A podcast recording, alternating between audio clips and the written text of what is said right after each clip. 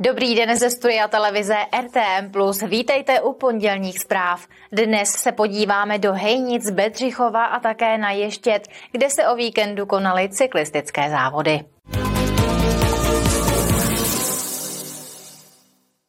Ze Simonovy vily chtějí Hejnice udělat víceúčelový objekt s knihovnou a komunitním centrem. Město má zatím vypracovanou studii. Další postup závisí na tom, kdy se kulturní památka z počátku 20. století vyprázdní. Nyní totiž slouží jako ubytovna pro ukrajinské uprchlíky. Simonova vila v Hejnicích má dlouhou historii, která sahá až do roku 1917. Tehdy si ji v duchu moderního klasicismu nechal postavit majitel mechanické tkalcovny Eduard Fritsch. Své jméno ale dostala po druhém majiteli, továrníku Emilu Simonovi. S historickým objektem má město do budoucna velké plány. Rádi bychom eh, v ní zřídili městskou knihovnu a komunitní centrum setkávací. Knihovna by se nacházela v přízemí. V prvním patře by byly eh, prostory právě pro přednáškové akce, pro setkávání. Do komunitního centra by se mohlo vejít okolo 50 návštěvníků. Projekt je ale zatím hudbou budoucnosti, protože vila stále není prázdná. Od konce druhé světové války do roku 2021 sloužila vila jako mateřská škola. Dnes ji město využívá jako ubytovnu pro ukrajinské uprchlíky. Ve vile našlo své zázemí kolem 20 uprchlíků. Ten jejich čas eh, tady není ničím limitován, až se ta situace doufáme co nejdříve uklidní, tak eh, se mohou Eh, začít odstěhovávat. Teprve potom bude město v projektu pokračovat. Zatím má hotovou jen studii. Náklady na rekonstrukci se budou pohybovat v řádech desítek milionů korun. Stavbu by ale mohly prodražit požadavky památkářů. Vila je totiž od letošního roku kulturní památkou. Vila postavená dle plánů Rudolfa Bicana s pozdějšími stavebními úpravami přesahuje svými architektonickými kvalitami hranice města a řadí se mezi jednu z nejzajímavějších staveb širšího regionu, která se dochovala ve velmi autentickém stavu. Simonova vila není pro Henice jedinou kulturní památkou. Tou nejcennější je kostel navštívení Pany Marie, který patří mezi národní kulturní památky. Kateřina Třmínková, televize RTM+. Jsou tu další zprávy z Libereckého kraje, pojďme na ně. Starosty pro liberecký kraj povede do příštích krajských voleb opět Martin Půta. Hejtmanem je od roku 2012. Post tak bude obhajovat už po třetí. Hlavními důvody, proč se bude o post hejtmana ucházet znovu, jsou prý významné projekty, které je potřeba dotáhnout do konce. Na hřbitově ve Vratislavicích nad Nisou chystají dvě nová pětní místa. Vznikne tady vsypová a rozptylová loučka. Budou mít podobu symbolického kruhu. Uvnitř je obelisk, který může sloužit jako pomyslný oltář při rozlučkovém obřadu. Policie v Libereckém kraji žádá všechny řidiče o zvýšenou opatrnost při pohybu na silnicích. Během posledních dní se totiž staly desítky nehod, několik z nich bylo i smrtelných. Jako jeden z hlavních důvodů nehod uvádí policie nesprávný způsob jízdy.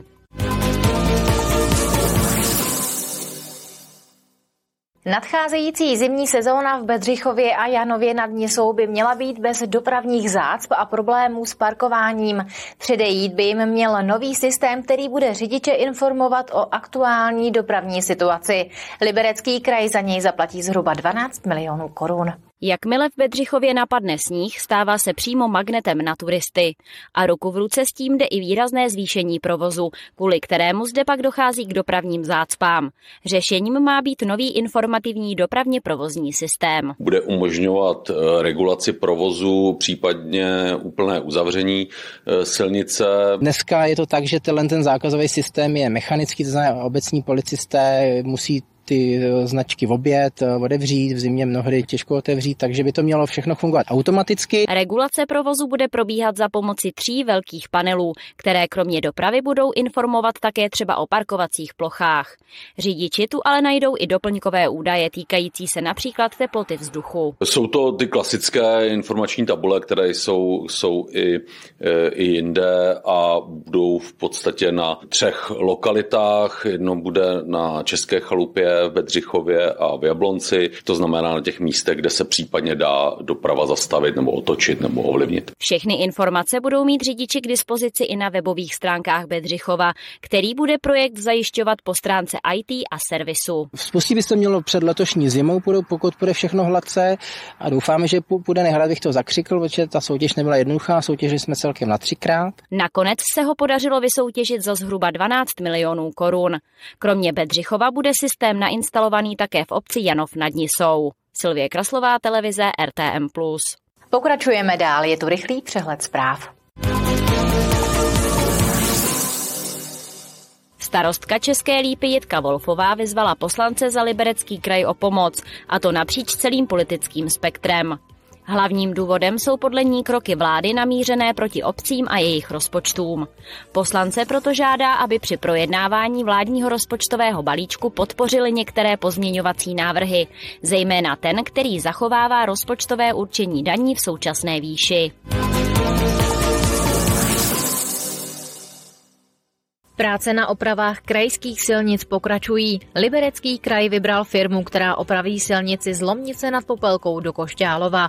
Celková délka rekonstruovaného úseku je více než 5 kilometrů. Pracovat se bude ve čtyřech etapách.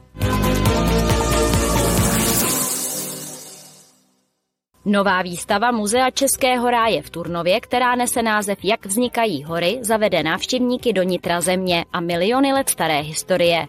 Ukazuje, co se děje pod povrchem země, jak vzniká zemětřesení, sopečná činnost, horské masivy nebo třeba celé kontinenty. Na expozici pracoval geolog Jan Bubal. Trvalo mu to rok.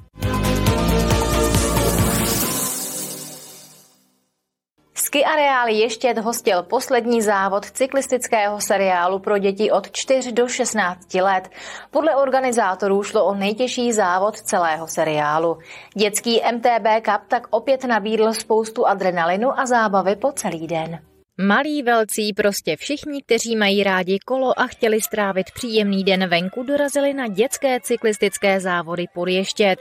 Šlo o poslední závod v rámci letošního seriálu. Je to dětský MTB Cup, to je vlastně pro děti vlastně od 4 do 16 do 17 let a vlastně objíždíme a děláme to pro Libereckým kraji všechno. Vlastně máme sedm závodů, vlastně s celkovým vyhlášením ve Vratislavicích. Jsou tady dané kategorie, kde máme vlastně rozdělený od nejmenších až po ty největší nejtěžší a vlastně ještě tam patří vlastně mezi ty nejtěžší vlastně závody. Jednotlivé tratě byly svojí délkou a technickou náročností přizpůsobeny věku dětí. Adrenalin byl ale cítit všude kolem.